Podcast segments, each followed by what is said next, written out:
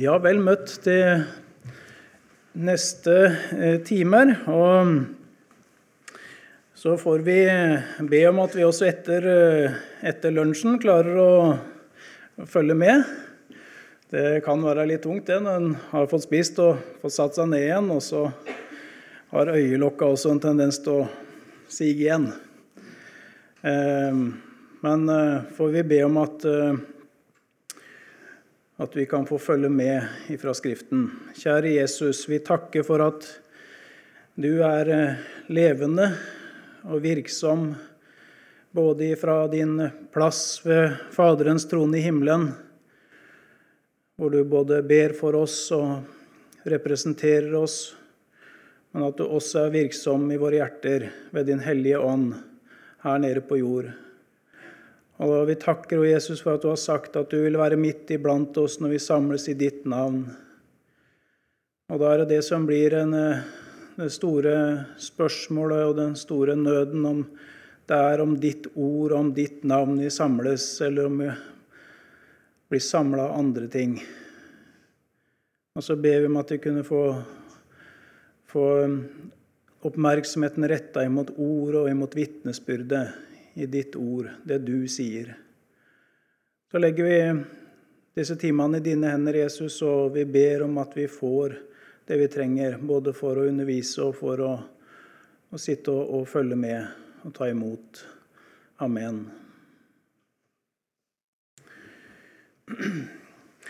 Ja, et av fagene som vi har eh, på bibelskolen til eh, daglig, det er hos småprofetene. Det er jo eh, Særlig av de store profetene, fire store, så er det jo Jesaja som ofte blir en grundig gjennomgang av, og noen ganger også Jeremia. Eh, og sånn. Og så har vi et annet fag da, som eh, tar for seg de tolv små profetene. Og det er jo, kunne være interessant å spørre, spørre dere sånn på stående fot om dere husker hvem av disse småprofetene som er aller minst, sånn i skrift. Det er greit at en slipper å svare høyt nå, da. Eh, men vil du svare høyt, Torben? Eh, det var et godt forslag, men eh, det stemmer vel ikke helt. Hva, hva sa du? Det er en som er mindre, ja. Det er en som bare har ett kapittel. Og det er Obadia. Profeten Obadia. Vi kan slå opp i, i Bibelen vår. Obadia han eh, er jo plassert etter Amos. Rett etter Amos, og så er han rett før Jonah. Profeten Jonah. Og som dere ser eh, i denne lille overskriften som er satt opp her, så profeten Obadia må vi på mange måter si det budskapet vi møter her, det er et, et budskap imot Edom. Også et budskap for Sion. Det er helt klart at dette budskapet her, det er liksom Det angriper i en retning. Uh, og så samtidig så frikjenner det, og så holder opp en frihet i en annen retning. Profeten Obadia. Og vi, kan, eh, vi skal lese, siden det er et så, såpass kort, eh, kort uh, skrift, så leser vi igjennom det. Og legg merke til vi sang i sangen før vi starta nå. Så sang vi om da Golgata, der Jesus led det gjennom tårer så. Da fikk jeg se en nådestrøm, så full og rik til meg fra korset gå. Altså Han ser opp imot Sion, han ser opp imot Golgata. Der er en, en uendelig nådestrøm. Men legg merke til eh, de 17 første versene her i Obadia. Der er ikke fokuset retta imot Sion, men der er fokuset retta imot Edom, naboen. Nabolandet. I Jesu navn leser vi fra vers 1. Obadias syn. Så sier Herren, Herren om Edom. En tiende har jeg hørt fra Herren, et bud er sendt ut blant hedningefolkene. Stå opp, la oss reise oss til kamp mot Edom. Se, jeg vil gjøre deg liten blant hedningefolkene, du skal bli dypt foraktet. Ditt hjertes overmot har bedratt deg, du som bor i fjellkløfter, i din høye bolig. Du som i ditt, sier i ditt hjerte, hvem vil styrte meg ned til jorden? Om du bygger høyt som ørnen, om du setter ditt rede blant stjerner, så vil jeg styrte deg ned derfra, sier Herren. Folk som ville Om tyver kom til deg, eller røvere om natten, og hvor du blir tilintetgjort, ville de da stjele mer enn de trengte? Om det kom til deg folk som ville høste din vin, ville de da ikke det la bli tilbake en etterhøst? Altså det, det, skal Gud ikke la skje. Det skal ikke bli noe tilbake. Så det blir verre enn på en måte et vanlig røveri. Men hvor blir ikke Esau ransaket, hans skjulte skatter oppsøkt? Dine forbundsfeller driver deg like til grensen. De du har fred med, svikter deg og får overhånd over deg. De menn som spiser ditt brød, setter snare for deg. Det er ingen forstand hos ham. Skal jeg ikke på den dagen, sier Herren, gjøre ende på all visdom i Edom og all forstand på Esaus berg. Dine kjemper, temaen, skal bli motløse, så hver mann blir drept og utryddet på Esaus berg. For ditt voldsverk mot Jakob din bror skal skam dekke deg, du skal bli utryddet til evig tid. Den dagen da du sto på avstand, den dagen da fremmede førte bort hans gods, da utlendinger gikk inn i hans porter, altså det er Jerusalem som blir erobra her, og kastet lodd om Jerusalem, da var også du som en av dem. Se ikke med skadefryd på din brors dag, på hans ulykkes dag. Gled deg ikke over Judas barn den dagen de går til grunne. Lukk ikke din munn så vidt opp på trengselens dag. Dra ikke gjennom mitt folks port den dagen de er i nød. Se ikke også du med skadefryd på deres ulykke den dagen de er i nød. Legg ikke hånd på deres gods den dagen de er i nød. Stå ikke ved veiskillet for å hogge dem ned av mitt folk som er sluppet unna. Overgi ikke dets flyktninger til fienden på trengselens dag. For Herrens dag er nær over alle folkene. Som du har gjort, skal det gjøres med deg. Dine gjerninger skal komme tilbake på ditt eget hode. For liksom dere har drukket på mitt hellige berg, skal alle folkene drikke uten opphold. De skal drikke i fulle drag og bli som om de aldri har vært til. La du merke til eh, gjennom alt vi har lest her, så er det ikke nåde.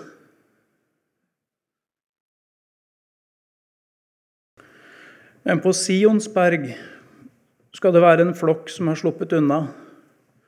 Skal hellig, den skal være hellig, og Jakobs hus skal ta sine eiendommer i besittelse. Jakobs hus skal bli en ild, og Josefs hus en flamme. Og Esaus hus skal bli til halm, og de skal sette ild på det og fortære det. Det skal ikke bli noe tilbake av Esaus hus, for Herren har talt. De som bor i Sydlandet, skal ta Esaus berg i eie. De som bor i lavlandet, skal ta filisternes land. Og de som bor i Efraims land og Samarias land, skal ta Samarias land i eie.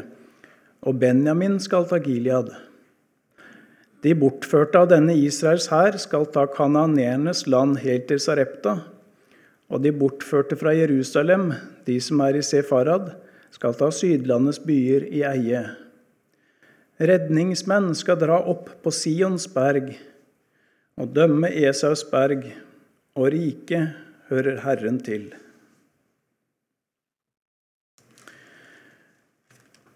Ja, det var et budskap imot Edom, og det var et budskap for de som er på Sion.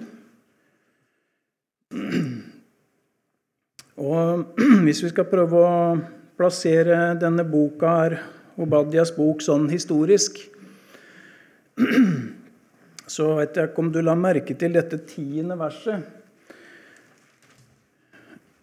For ditt voldsverk mot Jakob din bror skal skam dekke deg. For ditt voldsverk mot Jakob din bror. Der er også et fiendskap imot uh, etterkommerne etter Jakob. Etterkommerne etter Esau. De bor i Edom. De er i stadig fiendskap mot etterkommerne til Jakob. Og um, edomittene fra Edom som eh, følger skal vi si, i sin fars fotspor, i Esaus fotspor. De eh, anklages Vi kan jo ta med oss, eh, kan ta med oss det som jeg har skrevet opp her sånn i 1. Mosbok 25-30. Så får vi med oss helt fra begynnelsen av dette med Edom. 1. Mosbok 25 vers 30.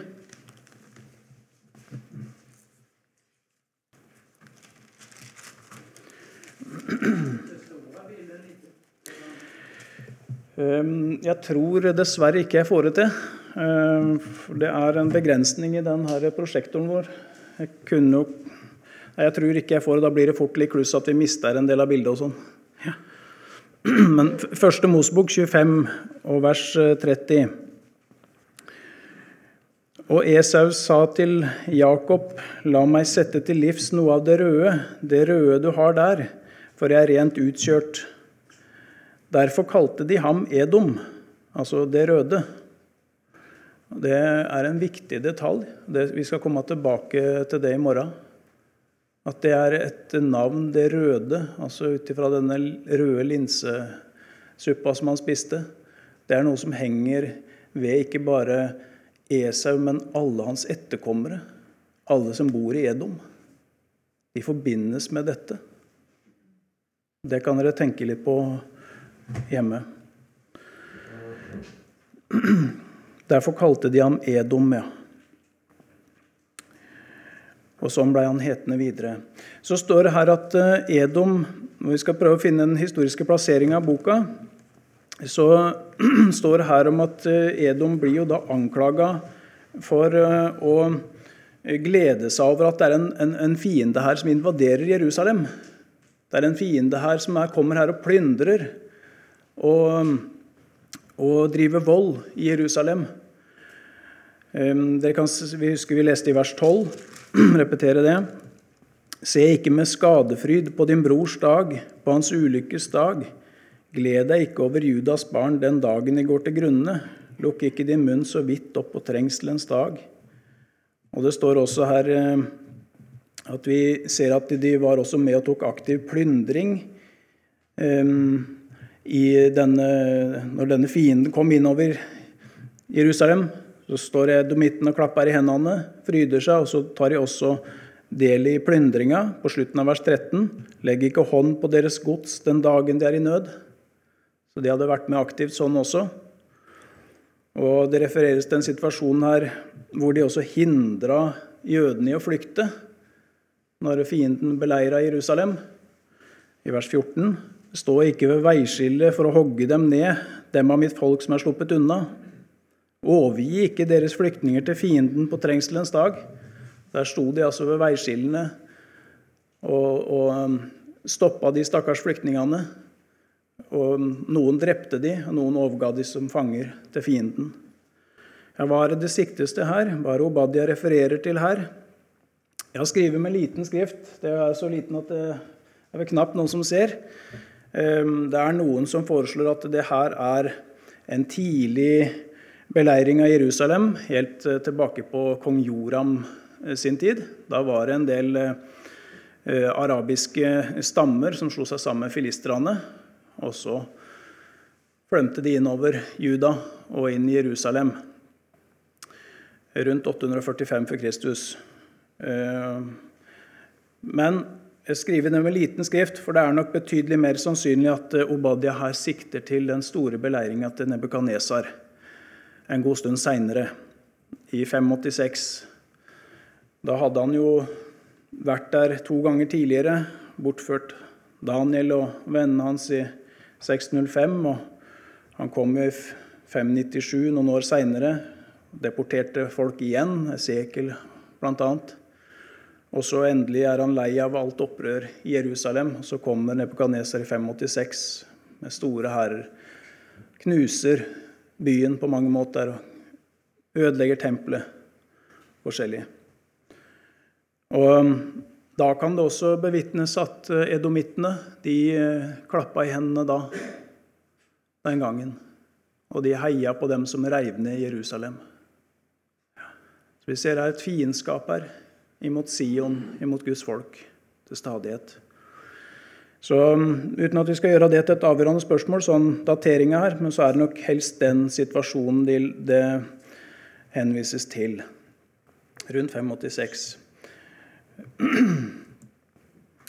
Hvis vi tar opp eh, tidslinja vår for å bare prøve oss å se, se litt hvor eh, Obadia er eller i hvert fall hvor profet, eh, skriftprofetene befinner seg, så, så ser dere jo da Adam 400 år før Kristus her.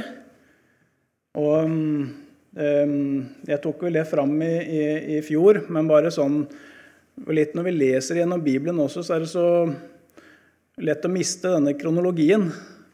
Eh, men eh, det er litt interessant å, å, å se. Hvis dere kikker på den, kikker på den uh, lista her Hvor langt har vi kommet i Mosbøkene når det har altså gått 1500 år etter Adam? Vi har kommet hit, til vannflommen.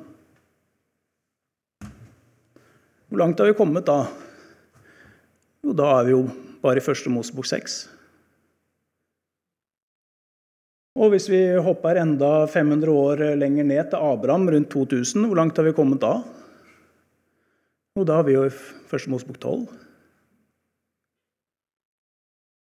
Og så hopper vi da Jeg skal ikke snart andre Mosebok begynne? Jo, må, da må vi helt ned til Moses, på 1500. Og så Da får vi jo på en måte fullføringen av Mosebøkene der helt der nede. Så det er et langt tidsrom. Og så finner vi jo da mellom, mellom Moses og, og, David Med David begynner kongene, så da har vi jo altså Samuelsbøkene og kongebøkene og krønikebøkene osv. nedover. Men eh, mellom Moses og David der så har vi jo Josvas bok og Dommernes bok osv. Det er der nede. Og så kommer vi ned i den tida som vi er i her med skriftprofetene. Det er jo etter David nedover. Fra sånn 800 eh, og nedover regner vi sånn cirka, ned til 400. En 400-årsperiode. Der har vi alle skriftprofetene i denne egentlig ganske korte tida. Men eh, det er veldig rart der også hvor intenst det profeteres i disse 400 åra. Fra ja, ca. 800 er litt nedenfor David, også, ned til 400 år for Kristus så, så profeteres det jo intenst både til omvendelse og vekkelse, men også Kristusforbildene. Og så kommer det 400 mørke år før Kristi komme. Og det er noe med når vi ser på den, jeg synes det er noe når vi ser på den lista og ser eh, hvor skriftprofetene er plassert, så ser vi det at det er, det er, med, det er en nådetid. Det er en tid hvor det var mulighet, hvor det blei forkynt på å si både dag og natt. Og det blei sendt på den ene og den andre. Og så kommer det altså, så blir det så mørkt, så mørkt. Så det gjelder også å nytte anledningen. Det er når Herren taler, det er når Han vitner, når Han sender sine vitner osv., da er det mulighet. Men så kommer det en natt som det er så stille, så stille. Så ser dere at har eh, to årstall, 722 der oppe. Det er da Nordriket faller og blir bortført, de ti stammene i nord. Det er Assyria som kommer der, verdensriket Assyria. Og så har vi da 586, Obadias tid, omkring der. Da er det jo et nytt verdensrike. Det er Babylon som har, babylonerne som har overtatt. Og Nebukadnesar, han, han herjer. Um, det er underlig at Gud bruker disse verdensrikene, disse ugudelige verdensrikene som sin domshammer. Så Gud har kontrollen hele veien. Men Gud bruker disse verdensrikene. Og så tatt med 538. Det er eh, den store dagen da altså Kyros, kong Kyros. Der er enda et nytt verdensrike som har trådt inn. Og så er det Kyros som sier at jødene kan få lov å vende hjem igjen. Så har vi Obadia da, omtrent midt, i, midt inni der. Og så taler han om Jerusalem, om Sion. Vi skjønner her at eh, Sion er jo i en veldig vanskelig tid. Sion er i eh, Ja, Gud bruker sin domshammer mot Sion. Så vi ser her at eh, Gud er rettferdig. Det hjelper ikke det å kalle seg jøde og, og si at 'jeg bor på Sion' osv., og, så og så bryr hun seg ikke om Guds ord. Nei, det godtar ikke Gud. Da vendes dommen også imot Sion. Da renses det ut der på Sion. Og fienden blir sendt, domshammeren blir sendt mot Sion. De som kaller seg, eller sier at de bor der, men som eh, ikke tar imot ordet og budskapet som lyder der. Men, eh, så de er i en vanskelig situasjon, og Gud har sin plan med dem. Men så er det eh, vet vi det at Sion der ble de jo bortført, og så fikk de komme tilbake igjen i 538. Og Det er også veldig rart, for du ser på en del av fiendefolka rundt Israel, så ser du at Gud taler sterke domsord imot dem. Men så ser en ofte det også at Gud har også en plan for dem eh, til vekkelse og frelse. Han vil vende dem imot, eh, mot Sion, at de skal bli frelst. Men imot Edom der er det ikke sånn. Edom skal slettes ut. Så, så, hvis du fortsetter å være i Edom, så er det dødsens. Du må ut derfra. Vi skal komme litt tilbake på hva, hva det er bildet, bildet på.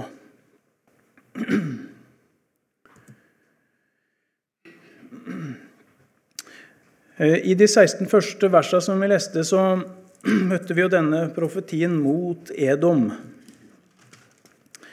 Og eh, Som vi leste i Første Mosbok 25, eh, så hadde de jo disse etterkommerne til Esau de hadde jo navnet sitt Edom ifra at Esau spiste denne røde linsesuppa. Derfor kalte de ham Edom, altså den røde. Så står det også i 1. Mosbok 36,8 at um, Esau han skiller jo lag med Jakob. De har så store dyreflokker osv. Så, videre, så de skiller jo lag, og de trives nok ikke så godt sammen heller. Og Der står det så bosatte Esau seg i Seirfjellene.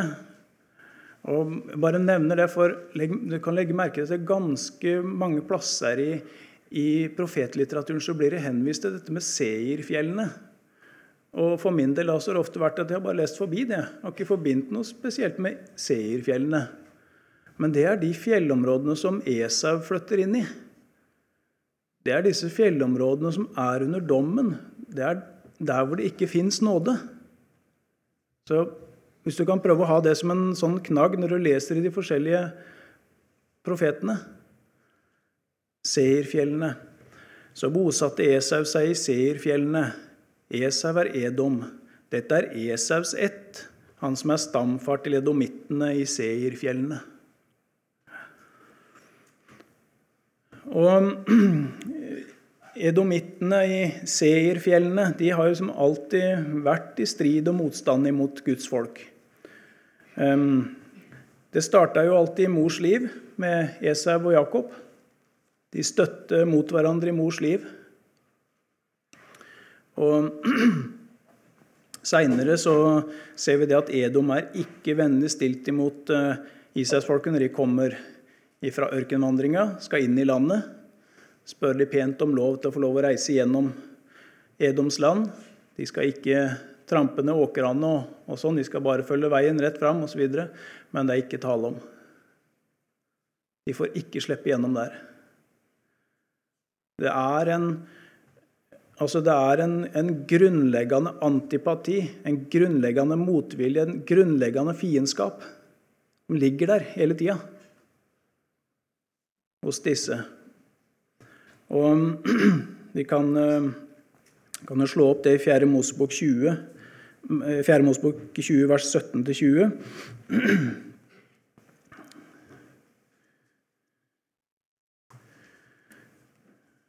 4. Mosebok, kapittel 20.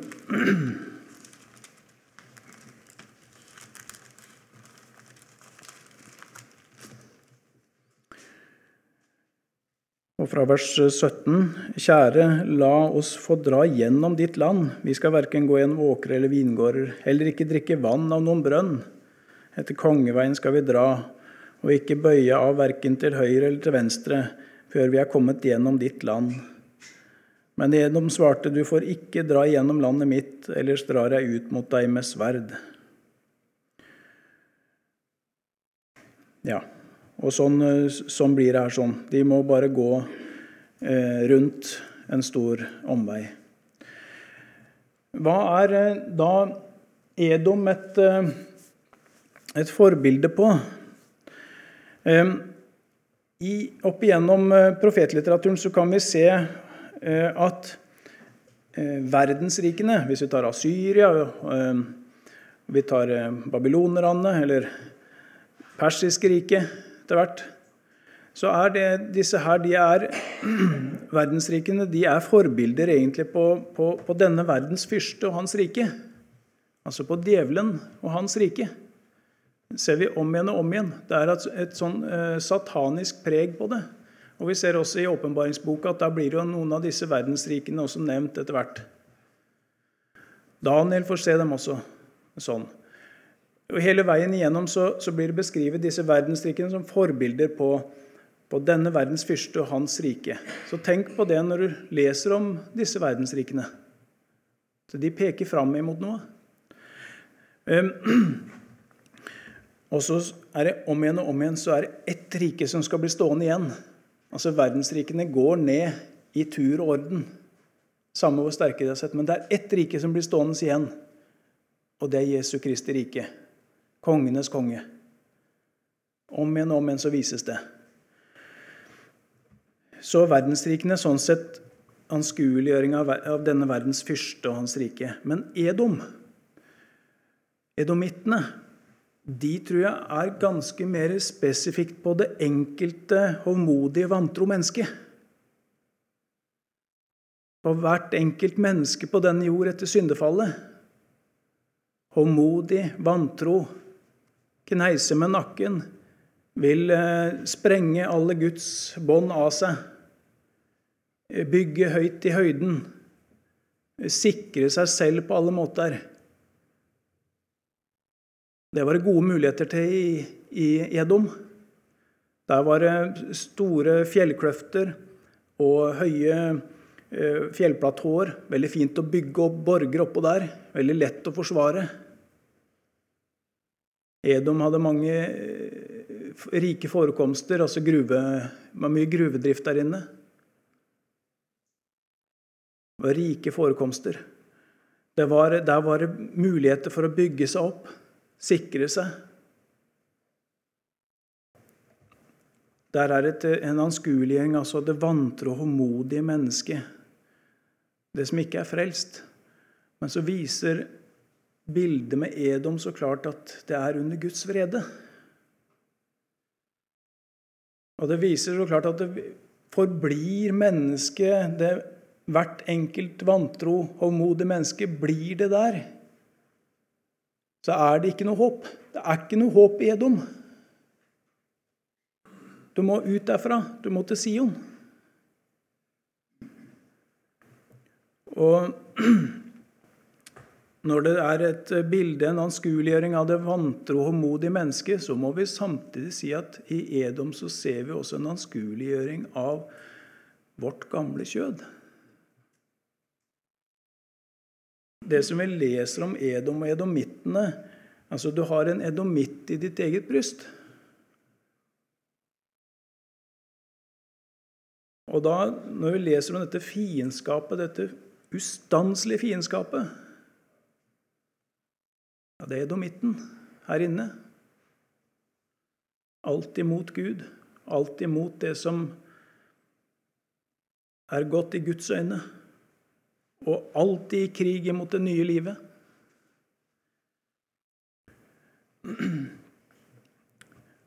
Det gamle og modige gamle Adam.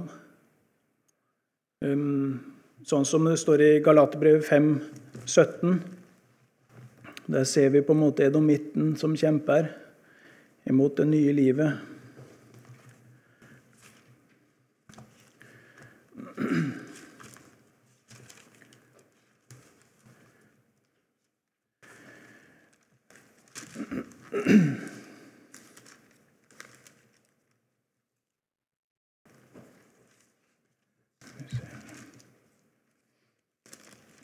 Galaterbrev 5, 17. For kjødet begjærer imot ånden, og ånden imot kjødet. De to står hverandre imot, for at dere ikke skal gjøre det dere vil. Og Sånn er kampen der. Edomitten er der i vårt eget bryst og vil aldri det Gud vil, og er en svoren fiende og bruker alle anledninger. Og Jeg syns det er påtagelig der hvordan edomittene klappa i hendene når denne verdens fyrste, ikke sant, når verdensriket kom inn der, invaderte Sion, knuste og ødela osv., klappa de hendene. Og um, så har du altså i ditt eget bryst en endomitt som fryder seg når det nye mennesket rives ned, som fryder seg når uh, du mister det åndelige gangsynet. Du har en edomitt der inne som fryder seg over at eh, det blir mindre tid til ordet, at det, samfunnet med brødrene og til bønnen, og samfunnet med Jesus. Og så blir det mer tid til å si, Internett og telefon og til alle mulige ting som så fort har tatt hele dagen vår, eller hele kvelden vår. Og så er edomitten her, fryder seg over dette. Dette er bra.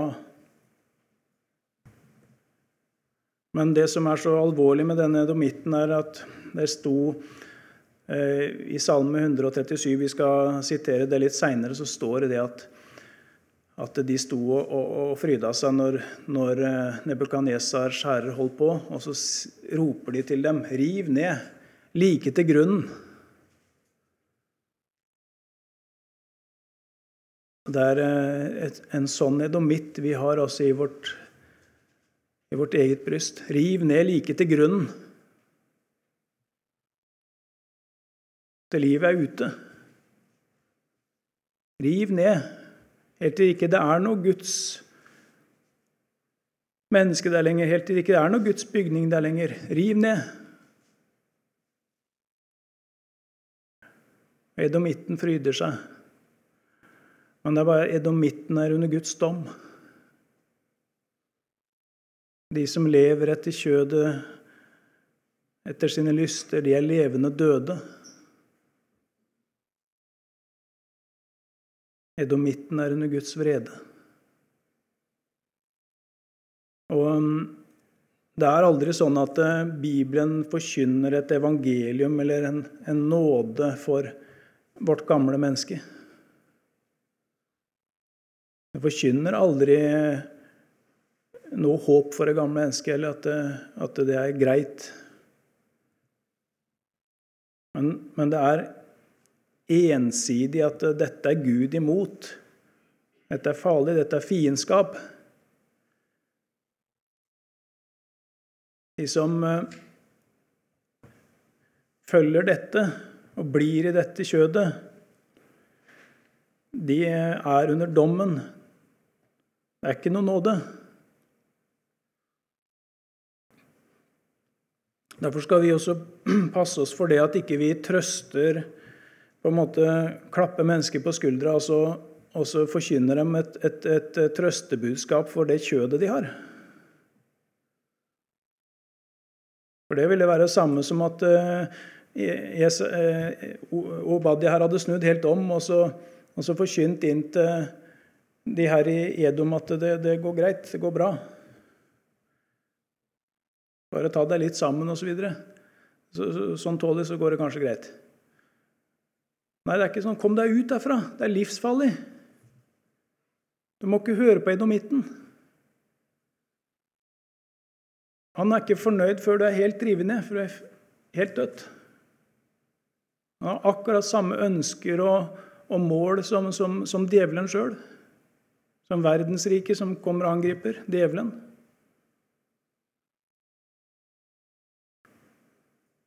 Så, så, tenker vi at det er kanskje ikke så farlig å se på både det ene og det andre. Men har da vært kristen i en del år og skal vel vite å passe seg og skru av i tide osv. Men det er problemet er bare at du begynner å se. Du greier ikke å skru av. Eller så har du satt spor som gjør at du vil se mer seinere. Eller hører. Edomitten gir seg ikke, men han er under Guds dom. Det forkynnes aldri nåde for han.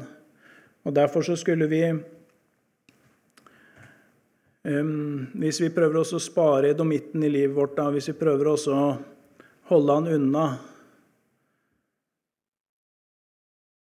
så er det døden for oss. Det er egentlig ett sted denne edomitten som kjemper og holder på, det er ett sted han hører hjemme, ett sted vi skulle regne med. Altså Vi skulle akte oss som døde i Jesus og hans død.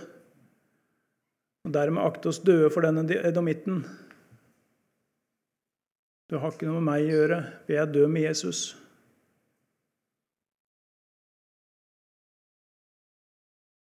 så regne oss som døde for, for Han, men heller regne som levende for Gud i Kristus Jesus. Gud bygger opp.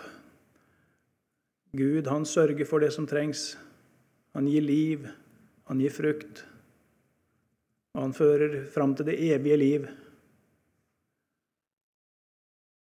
Så er det her et, et ord til Kanskje særlig til den som har begynt å, å, å, på en eller annen måte slutte litt fred